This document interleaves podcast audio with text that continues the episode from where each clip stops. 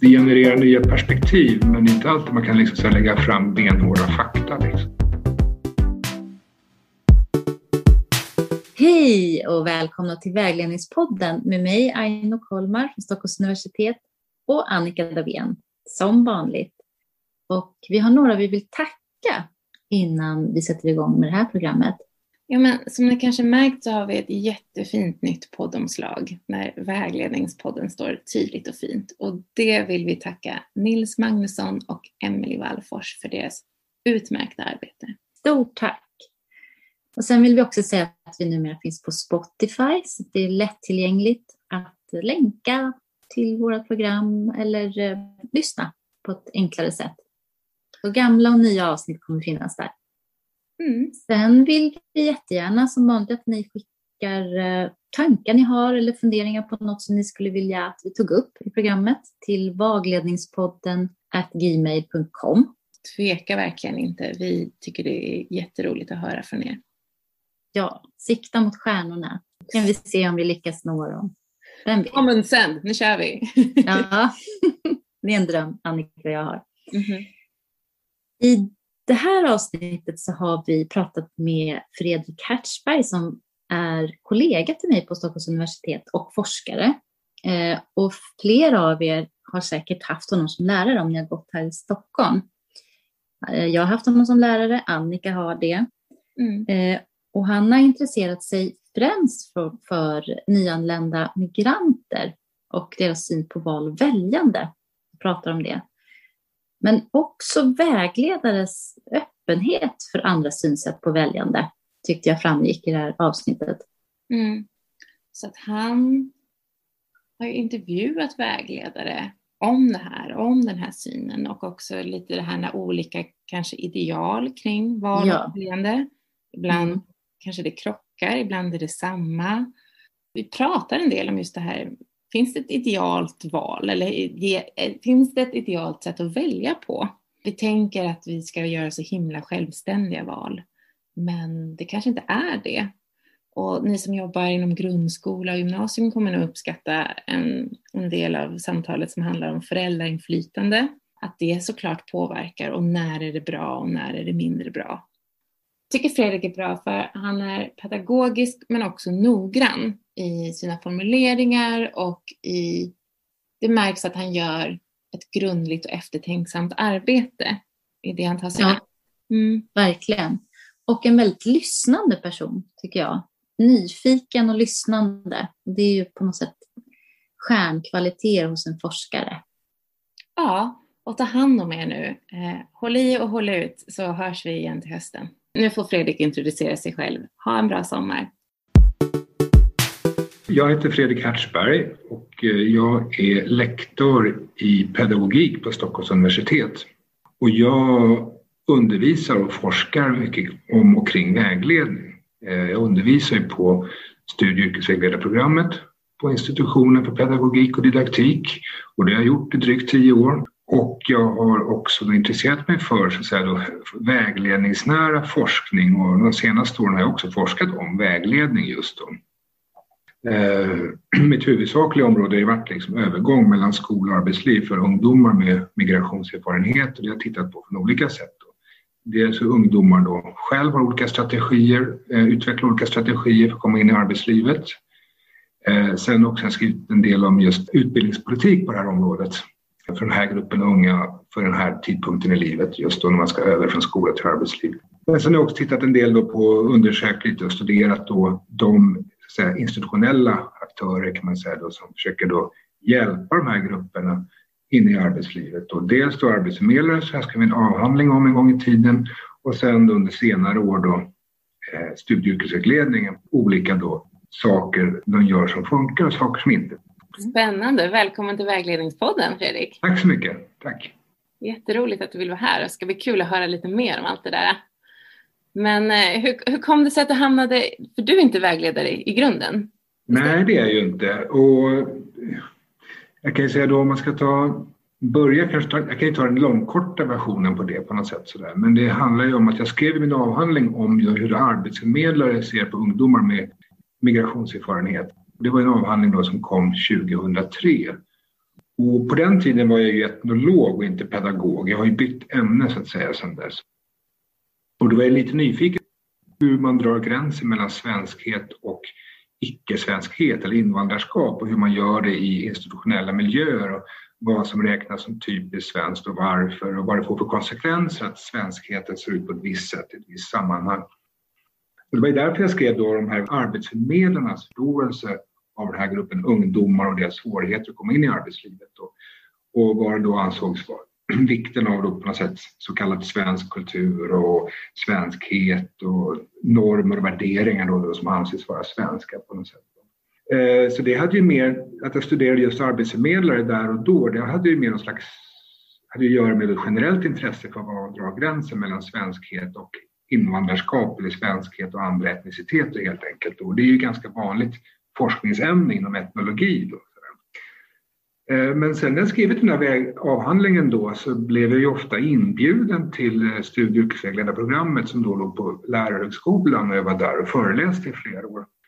Och sen då när min arbetsplats lades ner, eh, Arbetslivsinstitutet som hette då 2007, hastigt och lustigt, så fick jag möjlighet då att börja vikariera där på studie och yrkesvägledarprogrammet och så småningom fick jag också en fast tjänst där. Så sen dess då tio år ish har jag undervisat på studie och yrkesvägledarprogrammet och mer och mer också kommit att forska kring just studie och yrkesvägledning.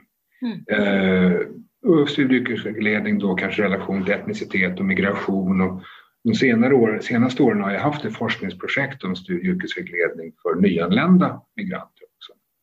Okej. Men det är mm. spännande det där hur man kommer in på ett bananskal också inom ett visst område som man kanske inte tänkt sig från början. Nej, precis. Så vad, vad sitter du med idag då? Vad är det som du forskar och grubblar kring? Just nu så är det här forskningsprojektet om eh, vägledning för nyanlända som jag framförallt har intresserat mig för hur, eh, vilken betydelse då som eh, kunskaper och kompetenser som är inhämtade utomlands i helt andra sammanhang, hur de värderas i den här svenska kontexten av vägledare och hur vägledare på något sätt använder det i sin vägledning. Eh, och vilken bedömning man gör då av de här kunskaperna, men också kunskapernas relevans, men också hur man ser då på andra perspektiv på arbete och utbildning, vilket utrymme de får i vägledningssammanhanget då. I vilken utsträckning då, hur öppen vägledningen är för andra synsätt på arbete och utbildning. Och en grej som jag specifikt har intresserat mig för, det är ju det här med då hur man ser på väljande val och väljande. Eh, då hur vägledare gör det och sen då lite då vad vägledaren på något sätt säger om nyanlända migranters sätt att se på väljande helt enkelt. Om det finns olika ideal kring val och väljande på något sätt då, i det här sammanhanget. Mm. Men vänta, så att, om vi går tillbaka. Så det, det är liksom som att det är två delar. Det ena är hur vägledare möter utländsk kompetens. Då. Ja, just det. Mm. Är det då lite, eftersom du fokuserar på vägledare, är det då som att vägledare blir någon form av grindvakter? Så här, det här kan du använda, det här kan du inte använda i det svenska samhället, eller? Mm. Det är inte riktigt egentligen, för den, den viktigaste bedömningen eh, eh, görs ju på annat håll. Det, det är ju de som validerar kunskaper, så att säga. Eh, så att vad jag, vad jag är mest nyfiken på här, det är ju lite på något sätt bara vägleda perspektivet på det här med då normer och värderingar kring arbete, eh, andra kunskaper och kompetenser som inhämtar i andra sammanhang. Hur det, vilka perspektiv man har på det i vägledningen och hur det på något sätt arbetas in i vägledningens praktik på något sätt. Tar hänsyn till det här när man utformar sitt eget vägledande arbete. Förut då när jag kanske skrev den här väg, eh, avhandlingen, då var jag väldigt uppmärksam på den här dimensionen. Får det här inkluderande eller exkluderande konsekvenser? Nu har jag gradvis på något sätt kanske då förstått att det är inte alltid det som vägledarna gör som är avgörande för om vi inkluderar eller exkluderar det. Men jag är mer nyfiken på sådär, hur tänker vägledare kring det här på något sätt? Så, vilket utrymme tror de att kunskaper och kompetenser förvärvade utomlands överhuvudtaget har i Sverige? Och hur kan man som vägledare hjälpa de här ungdomarna och unga vuxna utveckla strategier för att komma in i samhället helt enkelt. Så jag har väl lite mer positiv syn på vägledningens möjligheter än förut på något sätt. Men kan man säga Fredrik att du tittar närmare på vägledares normer och värderingar kring de här frågorna?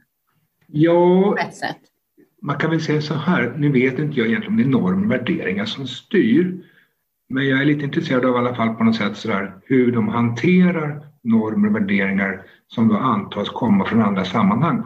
Okay. Andra, andra, andra förhållningssätt till arbete, andra sätt att tänka kring arbete och sen då det här som vi pratade om först, då, andra sätt att se på väljande än det som är dominerande i det svenska samhället.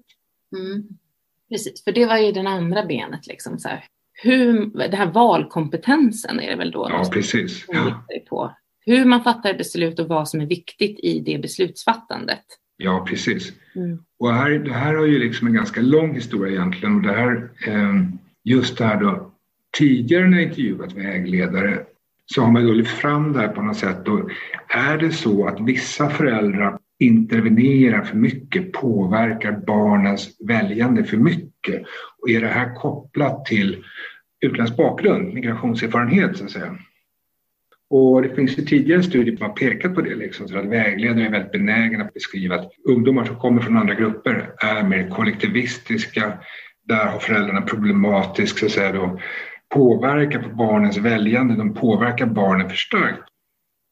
Eller att man värderar det som problematiskt. Om man värderar, om man värderar det som problematiskt, okay. exakt. Mm. Och det är lite det som jag varit nyfiken på. Det, det där är en sak som jag har då borrat lite och funderat lite kring på något sätt de senaste åren. Delvis i relation till det nya forskningsprojektet. Och det, det här är, relaterar ju, tänker jag, till en ganska viktig fråga i just studie och yrkesvägledning. Hur mycket ska föräldrar stödja? Hur mycket ska föräldrar påverka? När går det positiva föräldrastödet över i en negativ föräldrapåverkan? För det är en ganska glidande gräns på något sätt. Mm.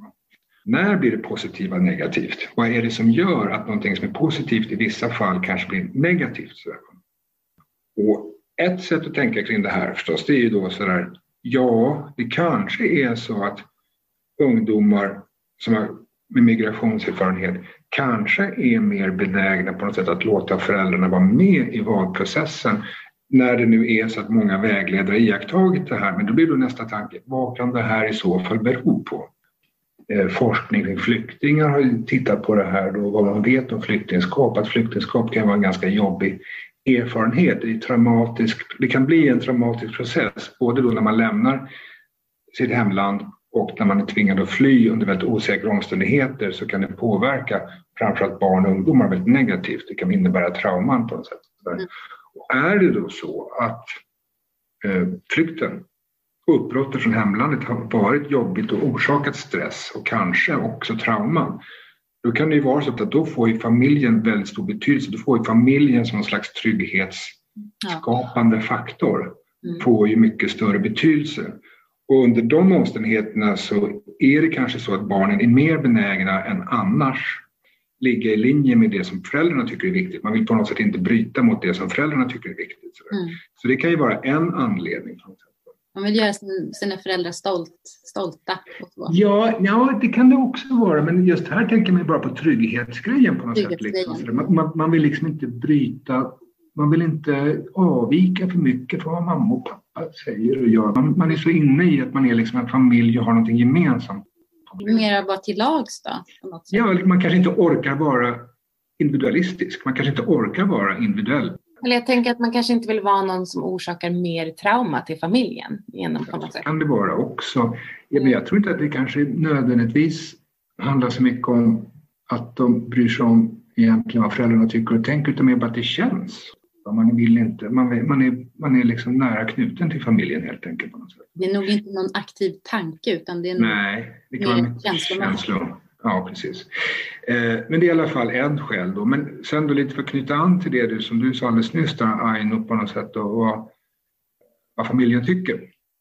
Så kan det också vara så om man varit här en längre tid i det svenska samhället men ändå inte riktigt kanske känner sig helt inkluderad. Och det här är viktigt för unga människor. De är ganska känsliga för det. Mm. Är jag delaktig i det här samhället? Räknas jag som en samhällsmedborgare eller som en gruppmedlem på samma sätt som andra ungdomar. Så där har en del ungdomar som bor i utsatta områden kanske inte alltid gör det. Så man känner att man bor i förorten och man tillhör en kategori människor som inte alltid beskrivs så positivt i media och av vissa politiska partier till exempel. Och så där. Man känner det här populära ordet då, utanförskap som man i och för sig kan vara lite kritisk mot, så där, men man kanske känner någon form av utanförskap. Och är det så på något sätt att man känner utanförskap, då är det återigen så att det som man känner sig delaktig i, familjen och släkten, blir också viktigt. På De, blir, de här människorna i det här sammanhanget, här är jag inte utanför, här är jag innanför. Just det. Här finns det människor som tycker och tänker på samma sätt som jag. Här är jag inte ifrågasatt. Här får jag vara med precis som jag är. Då kan det också vara ett skäl till att upplever sig vara lite mer på något sätt sådär lojal mot föräldrarna på något sätt och lojal mot föräldrarnas projekt. Eller kanske då att det som föräldrarna tycker är viktigt blir också viktigt för mig. Mm. Ett sätt att komma in i samhället på det är ju det här med att starta företag. Mm. Det är ju väldigt viktigt i vissa migrantgrupper. Det är ett mönster som vi ser över hela världen. Ja. USA och eh, Sydamerika. Vi vet ju till exempel alla, alla som kommer från Indien och Kina till exempel. Det är klockrent exempel på just det här då grupper som startar egna företag vart de än i världen vänder sig. Alla indiska och kinesiska restauranger till exempel som finns i hela världen. Det är ett väldigt tydligt exempel på det. Det ser vi också i Sverige. Har just då egenföretagande som ett sätt att komma in i samhället, ett sätt att få ett levebröd. Mm. Är det nog så att man har en familj eller en släkt eller tillhör en grupp som har ett utvecklat egenföretagande, då kanske man också blir ganska lojal mot det där företaget Ja. och tycker att det är ganska naturligt för mig att liksom sådär vilja jobba i familjens, släktens företag Mm. och på sikt också kanske bli en entreprenör inom den nisch som familjens företag är verksamt i. Om det är frisör eller restaurang eller eh, snabbköp eller tredje. Så det är återigen då ett skäl till att vara lite mer loj lojal mot föräldrarnas kanske starka åsikter om vad man, vad man ska välja. Som jag tänkte på när det gäller entreprenörskap med den grupp som jag jobbar med, Svenska för ingenjörer, Svinx. Mm. man kommer utifrån så får man syn på vad som inte finns, alltså vad, vad man kan komplettera med. Det här tycker jag behövs. Det var, sådana tankar fanns bland många av de här just i, Mm. i att starta eget eller att också ibland byta bransch, att de Mm. kartlade liksom den svenska arbetsmarknaden. Och, men det här verkar vara något som växer i Sverige, då ska jag prova, prova det istället. Om man var dataingenjör så kunde man bli elektroingenjör och jobba inom, med vindkraft till exempel. Så där är det. Har ju entreprenörskapsforskning och pekat på just att de som kommer utifrån är ibland lättare att se liksom sådär, vilka nya nischer finns det? Vad, vad kan man på något sätt utveckla som inte utvecklat än? Mm. Sen är unga människor har inte alltid den här kollen, men ändå, jag tror ändå att det är liksom viktigt att tänka på det där. Att man, och speciellt kanske då om man då växer upp i en företagarfamilj, då kanske man också har allt det här en känsla för hur är ju företagen? Och jag tänker att det är väl inte bara unikt för familjer med migrantbakgrund utan menar, tittar man till exempel på byggprogrammet, de flesta som går byggprogrammet har ju Ja. personer i familjen som också jobbar inom den branschen och har eget företag eller liksom, Ja, och det där tycker jag också är viktigt att tänka på på något sätt, apropå då generellt sett den här frågan om då när går föräldrastödet över i föräldrapåverkan? Så där, för att det, det, har ju lite, det har ju inte bara med liksom svenskhet eller invandrarskap eller inföddhet att göra på något sätt. Att det handlar om att ofta så återskapar ju barn föräldrarnas utbildningsval. Så vare sig då Annika som är ditt exempel med byggjobbare eller lite jobb med högre status på något sätt. Reproduktionen. mm, Ja, det är sociala reproduktionen. Nej, men hur då föräldrar med hög status, bra yrken och god utbildning, deras barn tenderar till att ja, välja just teoretiska program på gymnasiet med sikte på universitetsutbildning. Och vad handlar om påverkan och vad handlar om stöd när de gör sådana val då, som är direkt liksom, kopior av föräldrarnas utbildningsval? Det är ju också en intressant fråga. Liksom. Ja, men det här med stora behovet man har av förebilder. Man väljer Ja. också som syskon Ja. också. Det har, har jag upplevt med mina barn till exempel. Mm, mm, mm. Det är det ju också, visst. Det finns liksom då förebilder i närmsta nätverket. I ett avseende så handlar inte det där så mycket om etnicitet eller invandrarskap. Det handlar mycket om just det där då, ett mönster som finns. Mm. Men det är klart, oavsett också, oavsett då eh, var ens föräldrar är födda någonstans får man förstås också vara medveten om att ibland kan ju föräldrapåverkan då också vara lite auktoritär. Mm. Eh, och vara dålig ur vägledningssynpunkt på något sätt. Sådär. Men det här får man vara, det är ju en generell fråga att vara uppmärksam på som vägledare förstås. Oavsett det vem som visar den här uppmärksamheten. Men jag tror ändå på något sätt att just det här, det här individuella, privata valet är inte alltid självklart. Jätteintressant. Ja, och det har ju också att göra lite med värderingar på något sätt. Det här med att i Sverige så har vi en ganska stark individualism, det personliga. Eh, man ska vara individuell, så det, det har ett egenvärde att kunna vara individuell och göra egna val. Det är ju inte alltid så över hela världen. Svåra val ska tas beslut i svåra val ska tas individuellt. Så är det inte alltid. Ibland så är det tvärtom, att man tycker att beslut i svåra val ska man göra tillsammans och man ska uppnå någon form av konsensus för att det finns någonting bra i med att man tycker likadant i sådana här frågor. Mm. Ja, men jag tänker också på det här, man eh, ställer frågan som, som vägledare, vad har du för drömmar? Att den här ja. västerländska synen på, på självförverkligande och karriär, då får man svaret ofta, jag vill ha ett jobb. Mm. Ja, just det. Just det, där, visst, för det är en aspekt av individualismen också på något sätt, så att man ska tänka, redan tidigt tänka på termer av jag ska göra en karriär, jag ska utveckla mig själv och sådär. Och att det också är något form av ideal, att självständiga mm. val som bara utifrån vad jag tycker och önskar mig, mm. det är ett bra val. Mm. Men jag tror att i praktiken så gör väldigt få sådana val, att man alltid tänker hur påverkar det här min partner, min familj, min omgivning, alltså andra saker. Det är klart att vi är hela människor där saker påverkar oss i våra val. Ehm. Ja, så är det ju. Det är ju faktiskt under en ganska liten period på något sätt i livet som man kan göra helt individuella val. Först är man knuten till föräldrarna och sen är man knuten till sin egen familj. Liksom. Det är en liten glugg där i 20-årsåldern när man kanske då är väldigt privat i sina val på något sätt. Så Precis, det är då man drar till Lund och bara nu festar vi loss och pluggar och sen så liksom, tajtas det till sen efter ett tag. Liksom. Typ. Eller så blir det pandemi. Eller så blir det pandemi, yep. Usch ja. Nej, men jag vet inte, för det, jag har en annan tanke kring det där, just det här med individualism också sådär och autonomi som jag funderar lite kring sådär på det svenska perspektivet och det är ju ganska intressant sådär det, just den här svenska eller skandinaviska välfärdsmodellen på något sätt som vi har i Sverige.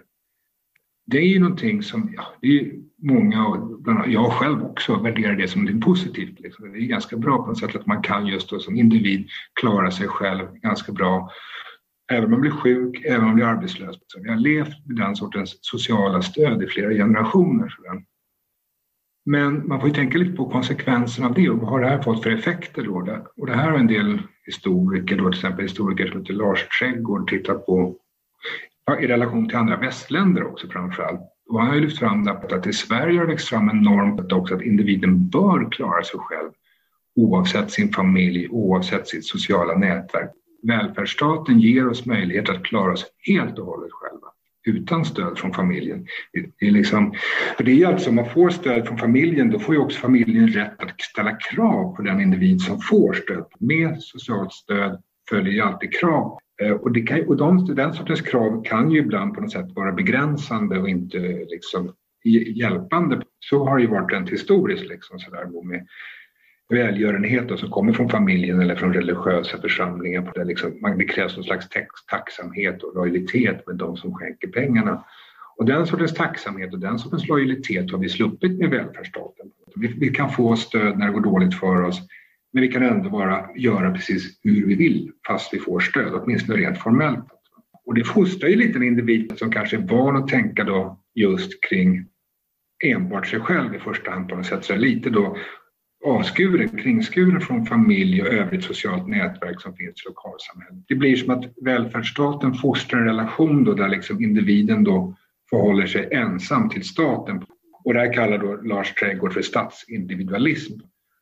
Och det kan man säga, det går ju igen lite på något sätt också i svensk utbildningspolitik, att där finns det en väldigt stark tanke på att barn och ungdomar ska lära sig att vara självständiga självständighet från den närmaste omgivningen är liksom starkt tydliggjord i lärandemål. Och det finns ju också i skolans, i läroplanen för grundskolan så det står ju där till exempel individen ska lära sig genomföra självständiga val och så.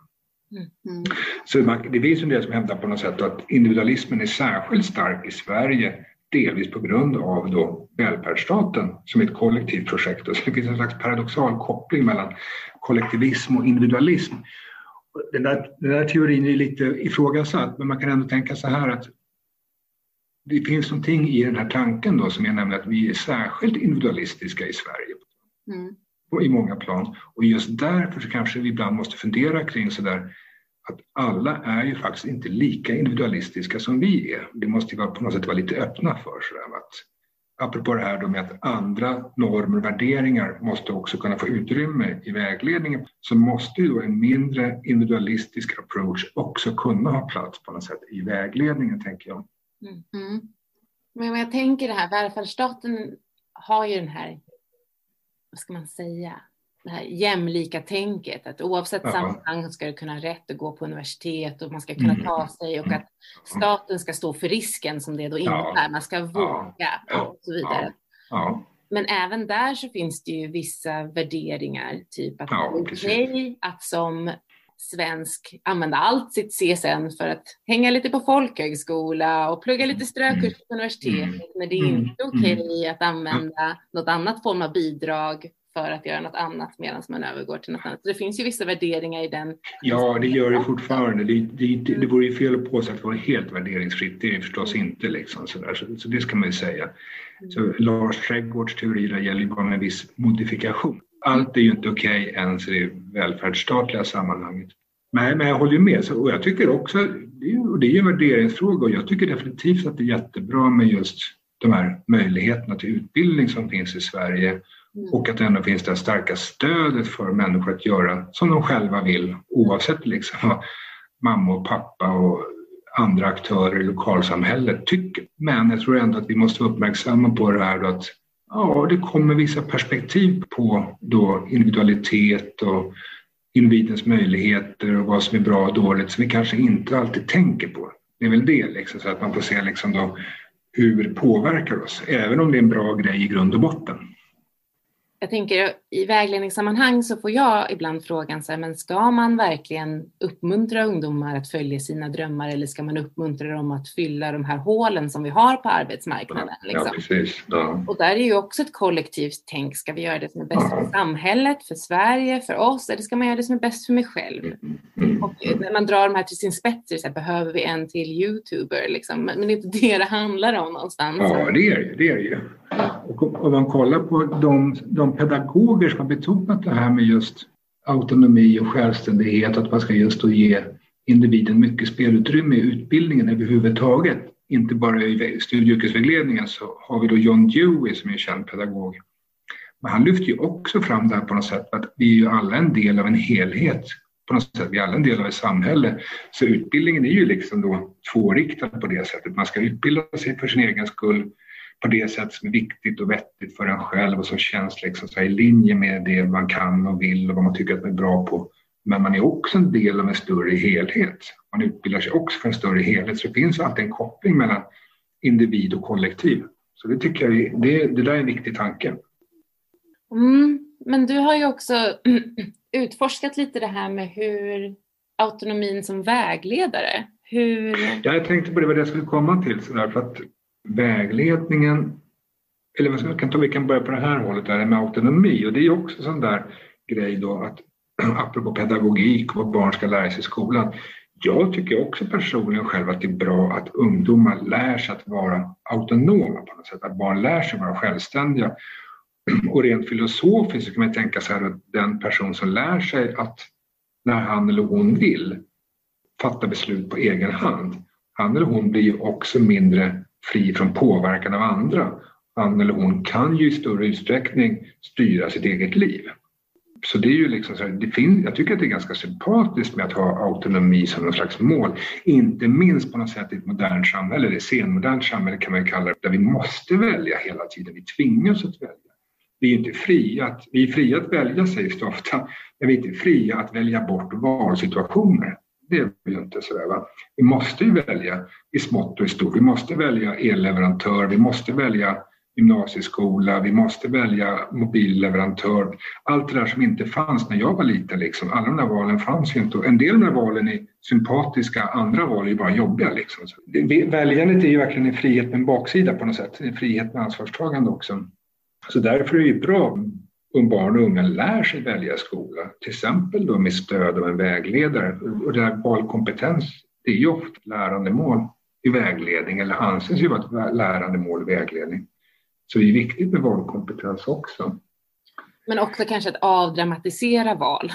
Mm, ja, menar, har man väldigt eh, beslutsångest, att, att försöka öva bort det så att man inte sitter där i fosterställning varje gång man ska byta elleverantör. Alltså så att, mm. att vi väljer, eller vi vänjer oss vid att vara i ett samhälle där vi kan sortera andras åsikter, ja. sortera fakta och ta oss fram i det på något sätt.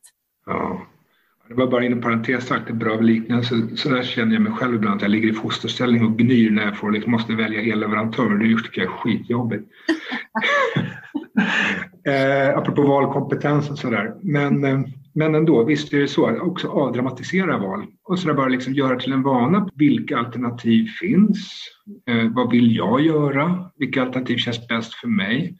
Men också på något sätt där då att då inte bara välja vänja sig till det första valet som känns bäst därför att ens kompisar gör utan också gå lite vidare i valprocessen för att se vad finns det för andra möjligheter utöver de som personerna närmast mig tycker är bra. Mm. Så det är ju så att autonomi är bra liksom, som någon slags lärandemål. Men jag tror ändå i en vägledningssituation, och där har jag intervjuat flera vägledare just då som arbetar till exempel med nyanlända då, men också med andra grupper förstås. Då. Och de lyfter ju ofta fram att det här är en generell fråga. De vägledare som jag har pratat med, de lyfter fram att det är en generell fråga. Mm. Men just det här att man kan inte tvinga på barn för mycket autonomi på något sätt. Liksom så här, är det på att de tycker att det här vad mamma och pappa tycker är ändå just nu ganska viktigt. Man kan inte gå för hårt fram och kanske provocera fram en konflikt med föräldrarna. Man får ju ta det i flera steg. Och det här är inte jag som har sagt det, är intervjupersoner som jag har mött då som har sagt det. Mm. Men just att man kan ju liksom så små frön om vad är det som är bra med autonomi och självständighet? Vad är det som är bra med att kunna på något sätt på sikt utveckla förmågan att välja? Mm. Men man kanske inte kan här och nu tvinga på unga människor att du måste välja fritt precis nu. Va? Men jag tror att det kan finnas en stress hos vägledare ibland att jag måste se till att varenda elev jag träffar gör ett självständigt och bra val. Och man kan mm. inte tvinga det. Och jag tror också lite på det här att man blir bra på det som man övar på. Och då mm. måste man ju få göra dåliga val. Det, ja, och känna hur det känns. Nu gick det så här. Vi provar en gång till. Att det inte är döden varje gång man gör ett dåligt val. Utan det var ett dåligt val. Vi väljer om. Vi gör något annat. Ja, precis. Och det är en lärandeprocess också. Sådär. Man mm. lär sig att välja under tid. Man kan inte liksom sådär bli bra på att välja redan. Alla blir inte bra på att välja redan i nionde klass. Det känner jag förstås alla vägledare till. Men jag tycker ändå det är en viktig tanke att ta med sig. Det handlar just om att starta en lärandeprocess. Inte på att människor beter sig på ett visst sätt med en gång. Mm. Alltså att man testar olika saker, gör flera val och sen väljer man om. Välja, mm. välja om hela tiden. På något ja, sätt. just det. Mm. Och myten om den spikraka karriären, det är verkligen en urban legend. Den finns ju sällan för någon. Utan det är kringelikrok för alla och bananskal för alla.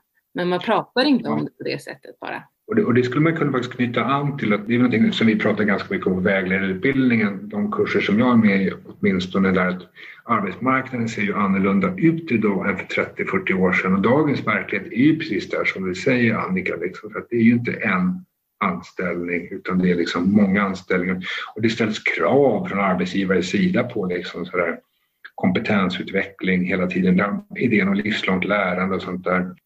Och sen också, det är ju omvandlingstakten på arbetsmarknaden är större också. Så där, så det är större risk idag än för 40 år sedan att det man lär sig idag kanske är överflödigt om 30 år på något sätt. Och, och så är det också populärt med flexibla anställningskontrakt och sånt där. Och det, det finns inte lika många livslånga anställningar längre utan man tvingas att ta tillfälliga anställningar i helt större utsträckning idag än för 30-40 år sedan.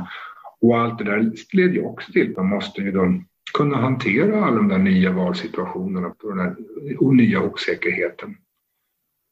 Ja, det är mycket som man behöver navigera kring som mm. vägledare. Ja. Många parametrar liksom. Att, eh, ja, och som ung också sådär tänker jag. Mm. Men jag tycker ibland jag var lite imponerad av just av så där då, hur många vägledare ändå balanserar det här då. Å ena sidan då kravet på autonomi som just ställs ganska tydligt i läroplanen och i mycket vägledningspedagogik. Mm. Och å andra sidan då den här eh, verkligheten som många ungdomar lever under där det är ganska svårt kanske att träffa just det strikt individuella valet. Jag tycker att det, jag har sett liksom, när jag forskar kring vägledares arbetsmetoder i det här sammanhanget att man kan liksom utveckla själv den här pedagogiken som syftar till autonomi, att utveckla den till någonting eget som kanske är lite mer situationsanpassat ändå. Mm. Det där känns så jobbigt. Ibland känns det som att jag inte kommer fram till så himla mycket viktigt. Jag var forskare, forskare, men man ska leverera sig bara pom, pom, pom, vad är det som är intressant? Så här, ja. Gärna i ett TED-talk-format liksom.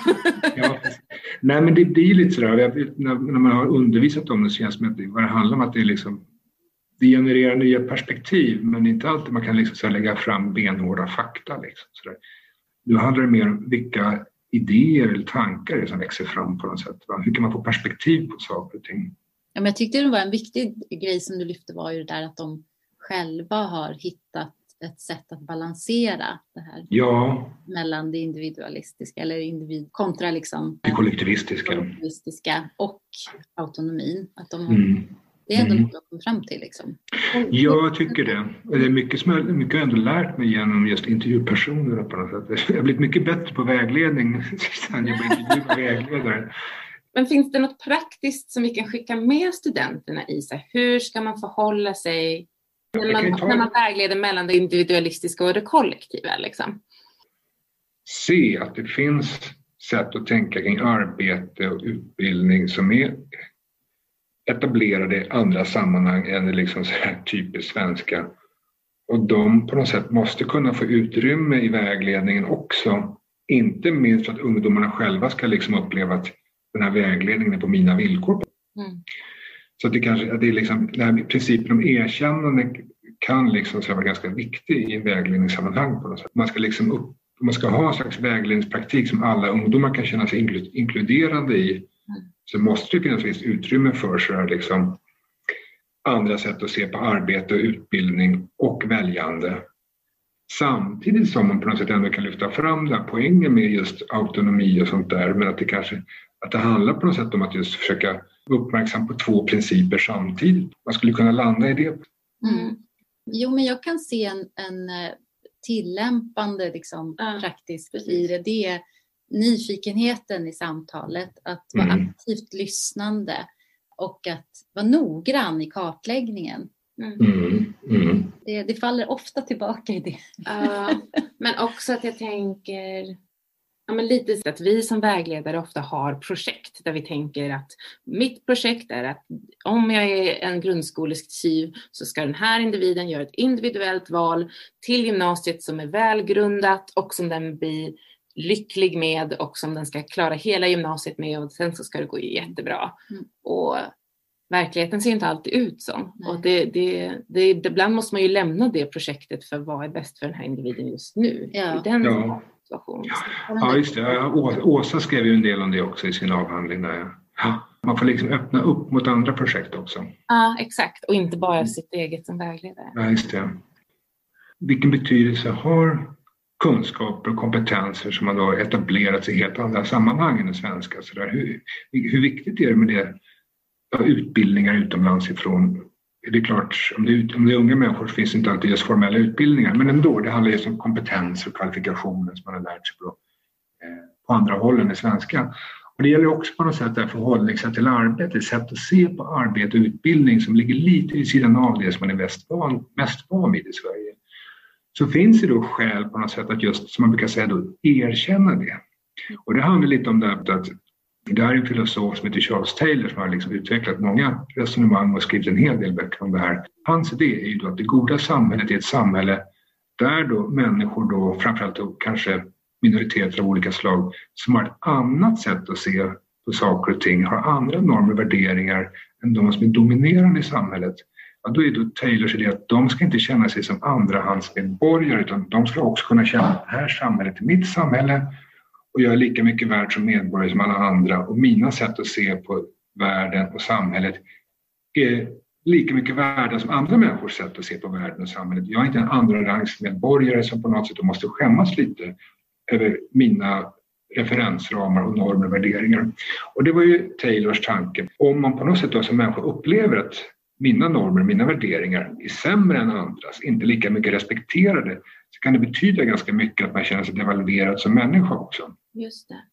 Och det kan också, om man överför det till vägledningssituationen så är väl de unga människor, unga vuxna, ungdomar som i en vägledningssituation då upplever att deras perspektiv och sätt att se på arbete och utbildning inte riktigt räknas, blir någonting som känns lite överflödigt eller som ett hinder. De känner sig inte heller lika mycket hemma i vägledningssituationen. Eller det finns en risk för att de inte känner sig hemma i vägledningssituationen. Utan de måste nog, för att det ska bli vägledning ska kännas inkluderande som en angelägenhet för alla, så måste alla på något sätt också kunna känna att deras sätt att vara i vägledningssituationen ett sätt som funkar va, helt enkelt. Va? Så människor måste kunna känna sig då, och det kan de bli då så att säga, om deras perspektiv på arbete och utbildning erkänns som rimliga.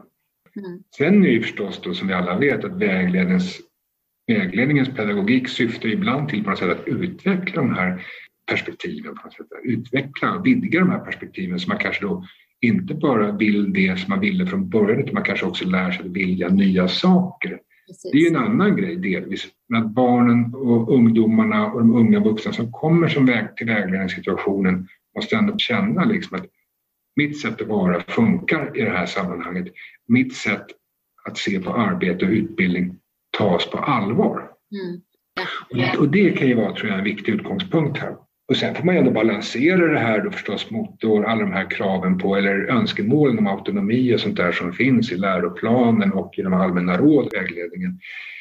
Så får man på något sätt se liksom att visst, det ska man också ta hänsyn till. Att man utvecklar en valkompetens, att man utvecklar på något sätt då kanske då ett sätt att kunna av, både avdramatisera val och kunna ändå genomföra rimliga val när man kanske har lyssnat, tagit till sig all relevant information och sånt där och gjort ett självständigt val det är också viktigt. Men man kanske blir då som vägledare uppmärksam på att det här är någonting som sker på sikt. På något sätt. Det kanske man inte kan göra med en gång inför liksom ett enskilt gymnasieval.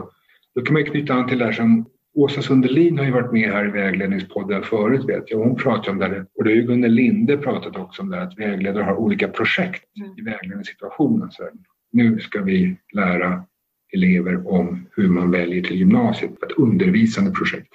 Men ibland kanske man måste liksom utöka de här projekten och se det som en lärandeprocess på längre sikt kanske. Så jag ska så små frön till något som kan bli liksom en sorts autonomt förhållningssätt längre fram i framtiden. Så mm.